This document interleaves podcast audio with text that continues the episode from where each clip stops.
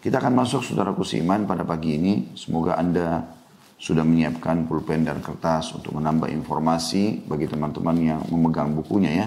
Sahih Hadis Qudsi. Dan bagi yang mengikuti secara online pun saya berharap Anda bukan hanya sekedar mendengar. Karena dalam menuntut ilmu itu sangat sempurna kalau kita menggabungkan antara mata yang melihat, telinga yang mendengar, ya kemudian juga uh, lisan yang mengulangi, maksudnya menghafal, dan tangan yang menulisnya. Bahkan uh, kata sebagian ulama, ya, tinta atau pulpen yang dipakai untuk menulis ilmu itu jauh lebih afdal daripada darah yang tertumpah di medan perang. Ya. Karena ilmu itu atau seorang alim bisa menyabarkan dan memotivasi seribu mujahid ya, untuk berperang dengan ilmunya. Begitu juga dia bisa membuat sabar seribu orang fakir miskin ya, agar mereka tabah dalam cobaan yang sedang Allah datangkan. Jadi ilmunya sangat mulia.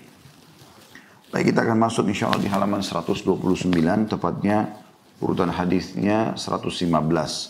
Di sebelahnya ada titik dua sahih atau hadis ini sahih tentang keutamaan sholat-sholat sunnah. Sebelum kita baca teman-teman sekalian, saya tidak tahu kenapa masih banyak di antara muslimin yang malas sekali mengerjakan ibadah-ibadah sunnah. Setelah saya coba telusuri, ini ijtihad saja dari saya. Saya melihat mungkin mereka terkurung di definisi sunnah itu sendiri. Mereka menganggap sunnah secara fikih adalah, walaupun itu memang dipilih oleh ulama definisinya, mengerjakannya dapat pahala, meninggalkannya tidak berdosa. Meninggalkannya tidak berdosa. Jadi definisi ini kadang-kadang disalahfahami oleh sebagian orang. Dia pikir, ya sudah, yang penting tidak dosa, nggak usah saya buat. Masuk ke dalam masjid, misal di waktu selain pandemi tentunya, masuk ke dalam masjid, dia ada kesempatan sholat qobliyah. Ada kesempatan sholat wudhu, ada kesempatan sholat tahiyat masjid. Enggak. Dia lebih pilih main dengan handphonenya atau dia lebih pilih untuk uh, duduk langsung di masjid dan cuma menunggu sholat fardu. Selepas sholat fardu ada amalan sunnah banyak. Ya. Bahkan amalan sebelum sholat sunnah, sholat wajib kita tahu ada selain sholat sunnah ada doa yang mustajab, waktu mustajab doa. Ini semua disia-siakan. Begitu juga dengan setelah sholat fardu ada zikir, ada sholat ba'diyah, disia-siakan. Tentu ada dua sholat subuh dan asar tidak ada ba'diyahnya. Tetapi teman-teman sekalian seperti duhur, ya, maghrib, isya kan ada ba'diyahnya juga. Dia lebih berpikir selesai sholat fardu cukup. Lalu mulai dia keluar untuk beraktivitas. Gitu kan. Dan ini disayangkan sekali. Semoga nanti akan kita sebutkan banyak sekali keutamaan sholat sunnah itu. Sayang sekali kalau kita sia-siakan. Ada banyak orang begadang sampai malam. Mungkin dengan tontonan-tontonannya. Tapi dia nggak pernah mau begadang untuk sholat tahajud. Untuk sholat witir. Ada banyak orang punya kesempatan baik di pagi hari seperti ini untuk sholat duha. Nggak mau sholat duha. Tapi kalau meeting soal bisnis atau duduk ngobrol kosong dengan teman-temannya, nah, itu bisa gitu ya, dia lakukan. Jadi kita sayangkan sekali. Ya. Dan insya Allah pada kesempatan ini kita ingin membahas masalah itu insya Allah. Makanya saya berikan pembukaan seperti ini. Karena banyak sekali orang begitu.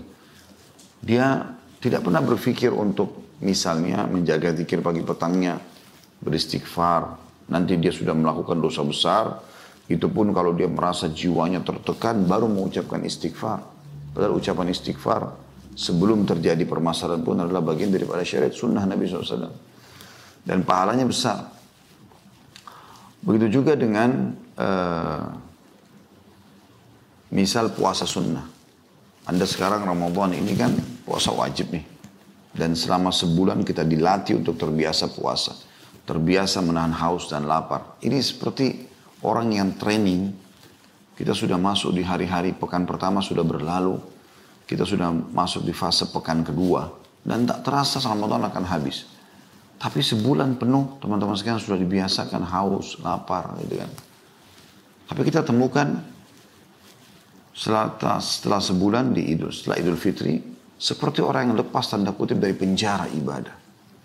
Alhamdulillah, gembira dia. Bukan Alhamdulillah karena sudah berhasil mendapatkan ilmu yang dia akan amalkan. Enggak. Alhamdulillah karena saya sekarang bebas dari puasa. Bebas dari sholat terawih. Bebas dari baca Quran. Kan aneh. Terbukti setelah itu memang dia tidak mau mengamalkan. Dia nggak mau lagi puasa sunnah. Padahal setelah Ramadan ini ada puasa sunnah yang sangat ditekankan. Dan batas waktunya cuma sebulan juga. Walaupun dia cuma seminggu dikerjakan, tapi sebulan. Enam hari bulan syawal. Nabi SAW bersabda, Man sama Ramadhan, thumma atba'u sittan min syawal, kana kasawmid dahar. Siapa yang berpuasa Ramadan, sebulan penuh. Lalu dia ikutkan enam hari saja. Garis bawahi kalimat saya saja. Enam hari saja. Dari bulan syawal, maka pahalanya sama dengan puasa selama setahun non-stop. Anda bayangkan 365 hari kita puasa non-stop. Kan panjang itu. Tapi Allah dengan kemahamurahannya memberikan kita pahala setahun hanya dengan sebulan Ramadan plus enam hari saja. Anda bayangkan kalau Anda jadi pegawai di kantor. Kemudian pimpinan Anda berkata, siapa pun pegawai di kantor ini, kalau dia selama Januari masuk full, Kemudian di Februari dia lembur enam hari. Enam hari saja sepekan. Maka gajinya saya kasih setahun. Artinya kalau gajinya 10 juta, ya, dengan setiap bulan, dia dengan sebulan satu pekan tambah enam hari saja. Enam hari ini kata kunci pengikat yang satu bulan tadi. Maka akan diberikan gaji satu tahun. Jadi dapat 120 juta. Ya mana Anda pilih? Anda memilih hanya 10 juta atau 120 juta? Kenapa enggak puasa sunnah, syawal, sayang sekali. Ya, kan? Karena itu amal sunnah yang luar biasa pahalanya. Dan ternyata memang dia ada hubungannya, sangat erat hubungannya dengan sholat, dengan ibadah wajib. Gitu kan. Baik itu sholat sunnah dengan sholat wajib, baik itu puasa sunnah dengan puasa wajib. Baik itu sedekah dengan zakat, baik itu umroh dengan haji. Jadi ada hubungan. Amalan-amalan sunnah ini akan nanti ya, menambah keutamaan sholat wajib itu. Jadi eh, tentu ini kita bisa tarik dalam semua jenis ibadah ya. Eh, tetapi yang jadi kata kunci di sini, kenapa teman-teman sekalian kita masih malas dan banyak menunda ibadah-ibadah sunnah. Bahkan ada level lebih tinggi daripada itu. Yaitu mendahulukan yang afdal daripada mufaddal. Mendahulukan yang afdal daripada mufaddal. Maksudnya apa? Jadi misal sholat duha, dua rakaat, bagus, keutamanya besar. Kita boleh bertanya, ada nggak yang lebih afdal, lebih baik, lebih besar pahalanya? Maka pasti ulama akan menjawab, ada. Anda sholat empat rakaat. Lalu kalau kita sudah kita rakaat, kita bisa bertanya lagi, ada nggak yang lebih afdal? Atau ulama pasti akan jawab, ada, delapan rakaat. Terus sampai dua belas rakaat. Setelah itu pun Anda sudah maksimal mengerjakan 12 rakaat. Maka kalau Anda tanya, ada nggak yang lebih afdal? Ulama akan menjawab, ada. Yaitu kau beristiqomah menjaganya. 12 rakaat terus selama hidupmu. Maka kita di sini level yang sangat tinggi dalam hal ibadah sunnah ini yaitu Anda selalu mengejar yang paling afdal dan istiqomah dalam mengerjakannya.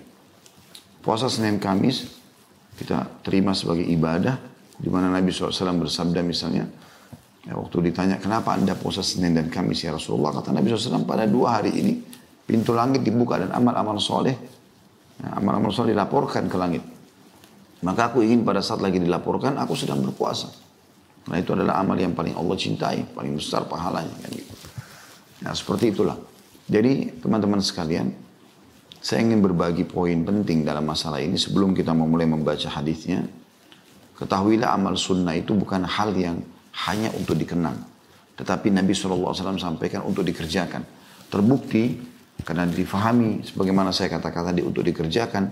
Nabi SAW praktekkan. Para sahabat berlumba-lumba mengerjakannya.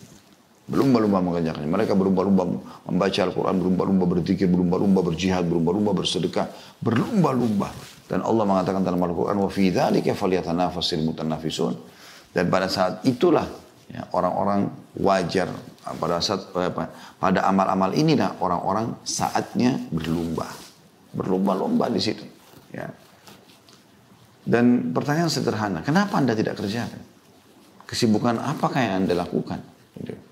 Padahal Ringan sekali sholat sunnah itu. Awalnya akan berat karena Anda belum adaptasi. Tapi coba baca keutamaannya lalu Anda kerjakan. Lama-lama akan menjadi sebuah pola. Bahkan merasa kehilangan kalau Anda tidak mengerjakannya. Rugi. Misal umur Anda 70 tahun Allah kasih. Kemudian ada teman Anda B 70 tahun. Dia sholat sunnah Anda tidak. Toh sama aja akan melalui 70 tahun itu kan. Sama aja. Kadang-kadang ada orang subhanallah meninggalkan sholat dia tadi sholat qabliyah hanya karena hal-hal yang kosong. Padahal tidak akan terulang kesempatan emasnya itu. Kalau pagi ini Anda tidak sholat duha, sampai menjelang misalnya sebentar azan duhur, sudah azan duhur, maka buku amal Anda dicatat hari ini Sabtu, ya, Anda tidak memiliki sholat duha itu. Dan misal Anda setelah itu, mungkin habis asar sebentar Anda ikuti pengajaran, Anda dengarkan keutamaannya. Sholat duha itu ternyata dengan dua rakaatnya bisa menyelamatkan 360 sendi, empat rakaatnya bisa memenuhi hajat. Ya, kita dalam seharian dari Allah SWT, Anda baru tahu keutamaan itu. Anda mau kerjakan, udah nggak bisa. Sholat duha tadi yang lewat tidak akan pernah bisa kita lakukan. Beda dengan dosa. Dosa kita kerjakan banyak nih. Begitu kita tobat dibersihkan sama Allah. Tapi amal saleh yang nanti akan memberikan derajat di surga. Nggak bisa. Kecuali Anda kerjakan di waktu itu. Besok ada kesempatan duha lagi. Tapi hari ini yang ada lembaran amal Anda akan kosong. Kan gitu. Jadi jangan disia-siakan kesempatan emas itu. Jadi seperti Anda kerja di perusahaan rasionalnya ya. Anda kerja di perusahaan, kemudian eh, akan beda sekali penilaian atasan dengan orang yang semangat, yang rajin. Dia punya jam wajib kerja 8 jam sehari. Tapi ternyata dia lembur. Dia lihatkan loyalitasnya pada kantornya, pada perusahaannya. Dia lebih, bahkan dia tidak menuntut apa-apa. Saya yakin perusahaan itu atau perusahaan akan menilai, tidak mungkin tidak. Dia akan menilai dan dia akan memberikan balasan dengan cara dia tentunya masing-masing. Dan tidak ada yang lebih baik memberikan balasan kecuali Allah subhanahu wa ta'ala. Baik kita akan masuk teman-teman membaca hadisnya ya. Tadi itu pembukaan supaya kita uh, seperti punya kalau mau perang itu kayak dibekali dengan senjata-senjata untuk ya punya ke, uh, untuk bisa mem, mem, mem, mempelajari apa mem, menang mempertahankan diri dari gangguan-gangguan musuh. Seperti itu juga dari syaitan ya. Saya berharap itu sehingga kita kalau pelajari hadis nanti kita sudah punya perangkat untuk menepis semua godaan syaitan yang membuat kita tidak mau mengamalkannya. Uh, hadis nomor 115 dengan sanad sahih dari Abu Hurairah radhiyallahu anhu dari Rasulullah SAW beliau bersabda, "Awwalu ma yuhasabu bihi al-'abdu salatuhu. Fa in kana akmalaha wa illa qala Allah azza wa jal unzuru li 'abdi min tatawwu'in qala akmilu bihi al-fariidah." Artinya, perkara hamba yang paling pertama akan dihisap ialah sholat wajibnya pada hari kiamat. Jika dia telah menyempurnakannya, semuanya bagus, ya, pahalanya juga sudah ada, dalam kurung maka itulah yang diharapkan. Dan jika tidak, dia belum melengkapkan, maka Allah yang maha mulia dan maha tinggi berfirman, lihatlah sholat sunnah hambaku. Allah berfirman kepada para malaikatnya, jika didapatkan dia memiliki sholat sunnah, maka Allah berfirman, sempurnakan sholat wajib tersebut dengannya. Hadis sahih riwayatkan oleh An-Nasai. Baik teman-teman, sedikit kita coba lebih banyak membahas tentang hadis ini. Hadis ini teman-teman menyebutkan tentang keutamaan sholat sunnah. Keutamaan sholat sunnah. Jadi kita mungkin tidak membahas lebih global tentang masalah sholat secara umum, tapi kita membahas tentang sholat sunnah. Baik, kita coba teman-teman sekalian renungi beberapa keutamaan sholat sunnah itu sendiri. Saya akan coba di awal pembukaan melengkapkan dan membahas lengkap hadis tadi ya, karena ini oleh penulis Mustafa Al-Adawi, beliau uh, mengambil potongan hadis sebagai saksi bahasan saja. Tapi hadis lengkapnya begini. Nabi SAW bersabda, Inna awwala ma yuhasabu an-nasu bihi yawmal qiyamah min amalihim as-salah. قال يقول ربنا عز وجل لملائكته وهو عالم انظروا في صلاة عبدي أتمها أو نقصها فإن كانت تامة كتبت له تامة وإن كان انتقص منها شيئا قال انظروا هل لعبد من تطوع فإن كان له تطوع قال أتم عبدي فريضته من تطوعه ثم تؤخذ الأعمال على ذاكم Mohon maaf ini bukan hadis yang seperti tadi ya, tapi ini riwayat yang lain. Saya keliru tadi di awal membahasakan lengkapnya hadis yang ditulis oleh Syekh Mustafa Adawi. Rupanya yang saya coba uh, susunkan uh, sebagai penjelasan dari hadis ini adalah hadis lafaz yang berbeda, uh, maksudnya lafaz lain tetapi semakna. Bunyinya begini terjemahannya. Kata Nabi SAW, sesungguhnya amalan yang pertama kali dihisap pada manusia di hari kiamat nanti adalah solat. Jadi kan di riwayat Mustafa Al-Adawi tadi yang disebutkan dalam buku kita bukan manusia tetapi di sini disebutkan adalah mukmin kalau saya tidak salah. Ya hamba. Perkara awwalu ma yuhasabu bihi al-'abd.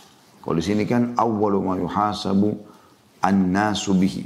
Jadi bedanya lafaz yang di buku kita yaitu awal yang dihisab dari seorang hamba pada hari kiamat sementara Ya. Di lafaz yang saya bacakan sekarang yang hadis riwayat Abu Dawud, Ibnu Majah, Ahmad dan Syekh Al-Bani menyatakan hadis sahih yaitu sungguhnya amalan yang pertama kali dihisap pada manusia di hari kiamat adalah solat. Allah Azza wa Jal berkata atau berfirman kepada para malaikatnya dan dia lebih tahu sebenarnya Allah tanpa bertanya tanpa bicara pun ya, Allah sudah tahu tapi Allah buat begitu.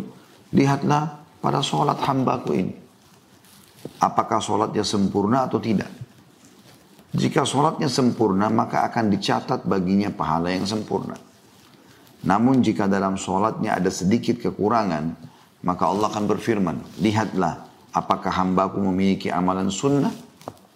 Jika hambaku memiliki amalan sunnah, maka sempurnakanlah kekurangan yang ada pada sholat wajib dengan amalan sunnahnya. Kemudian amalan lainnya akan diberlakukan seperti itu. Ya, saya sudah bahasakan tadi.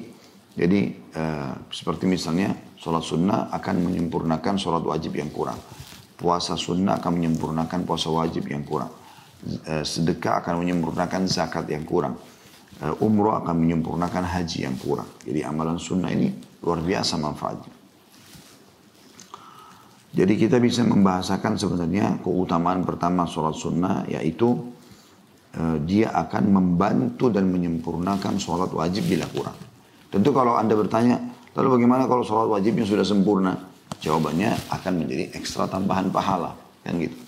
Tetapi kalau amal wajibnya ada yang kurang disempurnakan dan ini memang tentu penentu anda bisa selamat atau tidak itu amal wajib anda. Tentu keutamaan yang lain adalah bisa terhapuskan dosa dan juga ditinggikan derajat. Disebutkan dalam sebuah riwayat bahwasanya Ma'ad atau Ma'dan bin Abi Talha al-Yamari al-Ya'mari ia berkata aku pernah bertemu Thauban. Thauban ini uh, bekas budak, budak Rasulullah SAW yang dibebaskan. Lalu aku berkata kepadanya, beritahukan padaku suatu amalan yang karenanya Allah memasukkanku ke dalam surga. Atau Ma'dan, Ma'dan berkata, Aku berkata pada Thauban, beritahukan padaku suatu amalan yang dicintai Allah. Ketika ditanya, Thauban malah diam. Kemudian ditanya kedua kalinya, ia pun masih diam. Sampai ketiga kalinya Thauban berkata, Aku pernah menanyakan hal yang ditanyakan tadi pada Rasulullah SAW dan beliau bersabda. Jadi ini jawaban Nabi. Alaika bikathratis sujudi lillah fa innaka la tasjudu lillahi sajdatan illa rafa'aka Allah illa illa rafa'aka Allah biha daraja wa hatta anka biha al khati'ah jadi aku sendiri kata Tauban kepada Ma'dan aku pernah tanya pertanyaan yang seperti ini pada Rasulullah SAW kemungkinan di sini diamnya Tauban adalah dia coba merenungi mengingat kembali apa sabda Nabi SAW karena para sahabat biasanya mereka punya pola menjaga sekali ya apa yang disampaikan Eh, dari Nabi Wasallam. Kemudian beliau teringat dan beliau mengatakan, aku pernah menanyakan kepada Nabi SAW dan Nabi mengatakan kepadaku, hendaklah engkau memperbanyak sujud atau sholat kepada Allah. Karena tidaklah engkau memperbanyak sujud karena Allah, melainkan Allah akan meninggikan derajatmu dan menghapuskan dosamu. Lalu Ma'dan juga berkata, aku pun bertemu dengan Abu Darda dan bertanya hal yang sama lalu sahabat Abu Darda juga menjawab sebagaimana dijawab oleh Thauban kepadaku. Hadis sahih riwayat Imam Muslim. Imam Nawawi rahimahullah berkata, hadis ini adalah dorongan untuk memperbanyak sujud. Yang dimaksud ini adalah memperbanyak sujud dalam sholat. Sebagaimana dalam syarah sahih Muslim. Ya. Dan cara memperbanyak sujud dalam sholat adalah memperbanyak sholat sunnah. Ya, karena sujud sholat wajib kan terbatas. Gitu kan. Jadi misalnya subuh eh, dua kali sujud, eh, empat kali sujud itu. Rakaat pertama dua, rakaat kedua dua. Mag, duhur, asar, isya juga sama empat, empat rakaat ini ya. Jadi satu sholat delapan kali. Uh, rakaat pertama, maaf, rakaat pertama empat, empat kali empat, enam belas kali sujud. Ya. Begitu juga dengan asar, begitu juga dengan isya. Maghrib, ya, enam kali orang sujud. Gitu. Nah ini terbatas dengan itu. Tapi Nabi SAW mengatakan perbanyak sholat, sujud. Artinya sholat sujudmu diperbanyak. Sujud itu kan maksud dalamnya adalah yang paling banyak sujud sholat sunnah. Karena seperti contohnya sholat sunnah wudhu. Anda kan bisa mengamalkan apa yang diamalkan eh, Bilal radhiyallahu anhu.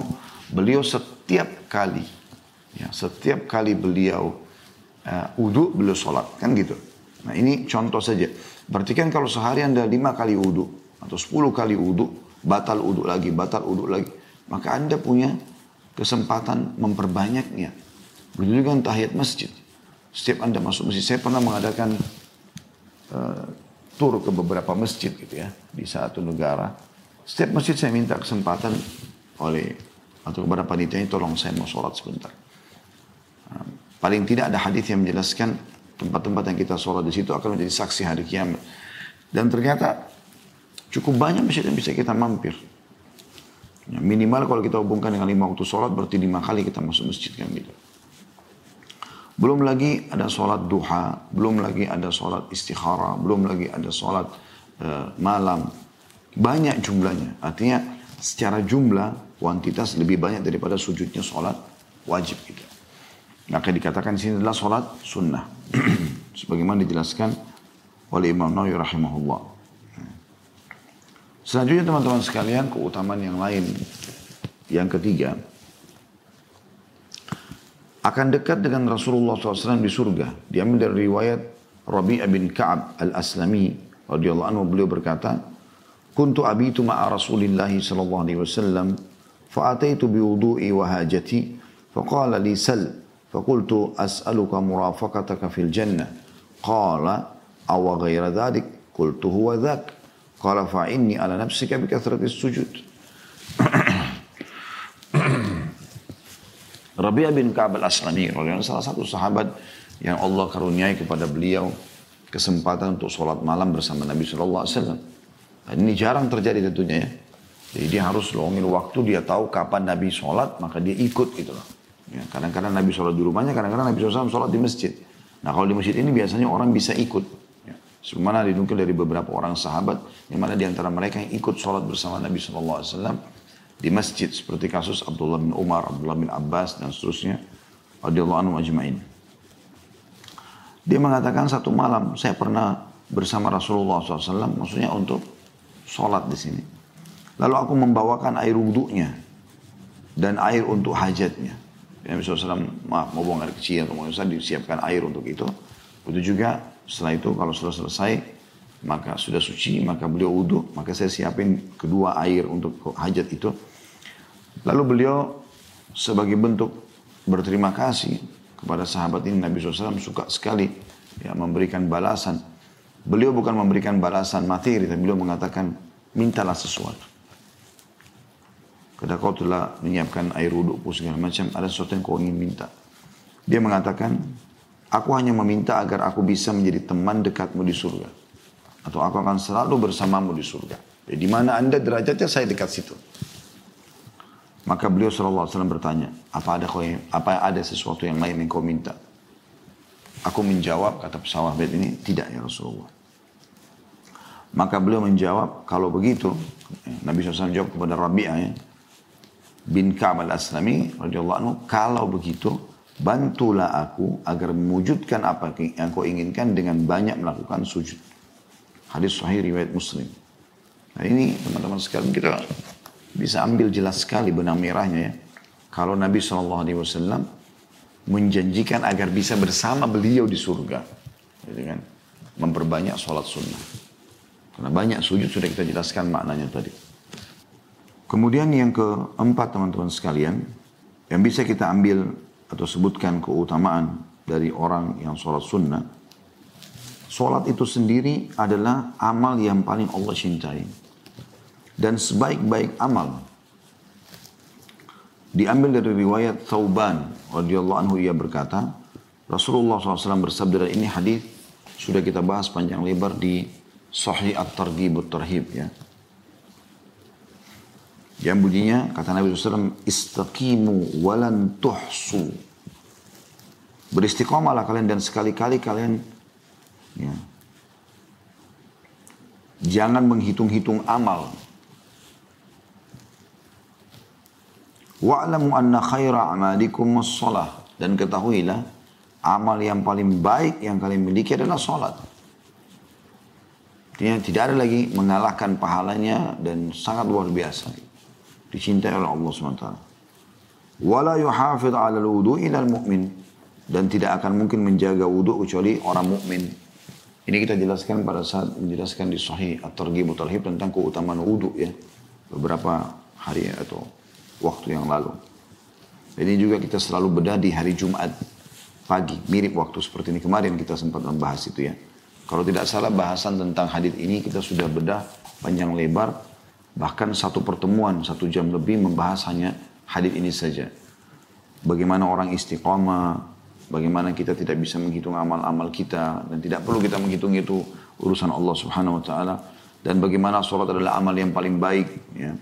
Dan juga Uduk tidak mungkin selalu dijaga batal uduk uduk lagi kecuali orang beriman. Hadis ini ya, sahih diriwayatkan Ibnu Majah dan juga Ahmad. Teman-teman sekalian, orang-orang yang suka menjaga amalan-amalan sunnah ini ya, akan dicintai oleh Allah Subhanahu wa taala dan kalau dicintai oleh Allah Subhanahu wa taala berarti dia akan menjadi wali Allah. Orang-orang yang dekat dengan Allah subhanahu wa ta'ala. Ya. Dan ini Allah sebutkan tentang mereka di dalam surah Yunus ayat 62 sampai 63 yang bunyinya a'udzubillahi minasyaitonirrajim ala inna awliya Allah la khaufun alaihim wa lahum yahzanun alladzina amanu wa kanu yattaqun ingatlah sungguhnya wali-wali Allah itu tidak ada kekhawatiran terhadap mereka dan tidak pula mereka bersedih hati yaitu orang-orang yang beriman dan mereka selalu bertakwa. Ya, seperti itulah.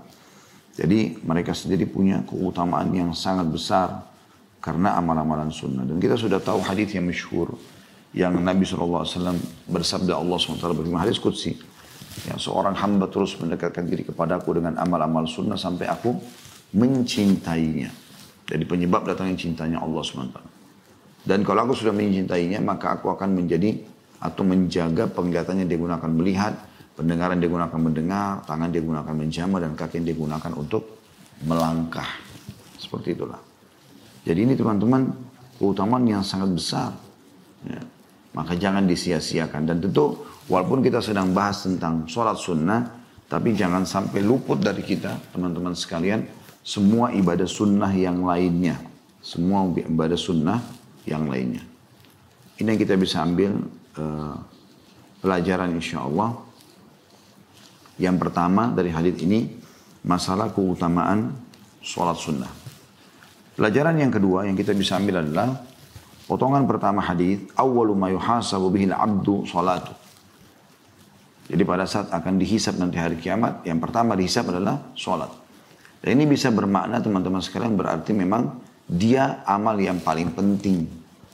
Ya, dia amal yang paling penting. Makanya dia yang pertama sekali dihisap. Dan Allah subhanahu wa ta'ala tidak ingin hambanya celaka. Allah ingin hambanya selamat. Maka Allah mengedepankan amal yang paling bisa diandalkan agar hamba itu selamat. Dalam hadis lain dikatakan, dan ini sudah masyhur hadis ini kita dengar tentunya, awal amal dihisab dari seorang hamba hari kiamat adalah sholat. Kalau dia baik sholatnya, beruntunglah dia. Dan maknanya selamatlah dia. Dan kalau rusak sholatnya, maka rugi dan celakalah dia. Dan di maknanya di sini adalah karena sholat adalah amal yang paling baik dan paling bisa menyelamatkan seorang hamba, maka Allah ingin menyelamatkan hambanya dengan sholat itu. Kemudian kita ambil potongan yang ketiga adalah fa'inkana akmalaha kalau dia menyempurnakannya, berarti memang ada sholat yang tidak disempurnakan. Contoh misal, uh, atau pen, pelajaran ketiga adalah pentingnya menyempurnakan sholat. Menyempurnakan ini misalnya uduknya sempurna, benar, ya. Namun tata cara bacanya, tata cara gerakannya, ya, semuanya benar dan diikuti dengan kehusuannya, itu namanya akmalah, menyempurnakannya. Ya, dan ada orang mendapatkan pahala ini. Semoga Allah SWT jadikan kita termasuk dalamnya. Tidak mengkhayal pada saat sholat. Ya. Tidak uh, apa namanya, nyiakanlah. Uh, walaupun bukan wajibnya sholat. Sunnahnya seperti dua iftitah. Uh, surah setelah Al-Fatihah gitu kan. Itu kan bagian dari sunnah-sunnah sholat. Nah, tidak disia-siakan. Semua dibaca sama dia. Bahkan ada sebagian orang mengamalkan jauh lebih lebih lebih banyak meraih pahala dengan membaca lebih dari satu macam jenis dua iftitah misalnya. Ya, seperti misalnya iftitah itu kan ada beberapa pilihan. Uh, bisa Allah memba'id baini wa baina khataya kama ba'ta minal musyrik wal maghrib. Bisa juga yang lain ya. Seperti Allah merubah Jibril wa Mikail wa Israfil fatir as-samawati wa anta tahkum baina ibaduka fi makhtalafu fi dan seterusnya sampai akhir. Juga ada yang lainnya ya, yang sudah kita tahu tuh tidak asing dua-dua iftitah ini insya Allah ada mungkin empat atau lima macam doa iftitah, seingat saya ya. Maka ada orang yang ingin meraih pahala dengan membaca lebih dari satu atau dia memvariasikan. Di sholat Qobliyah sekarang dua rakaat, misalnya Qobliyah dua kan empat rakaat tuh.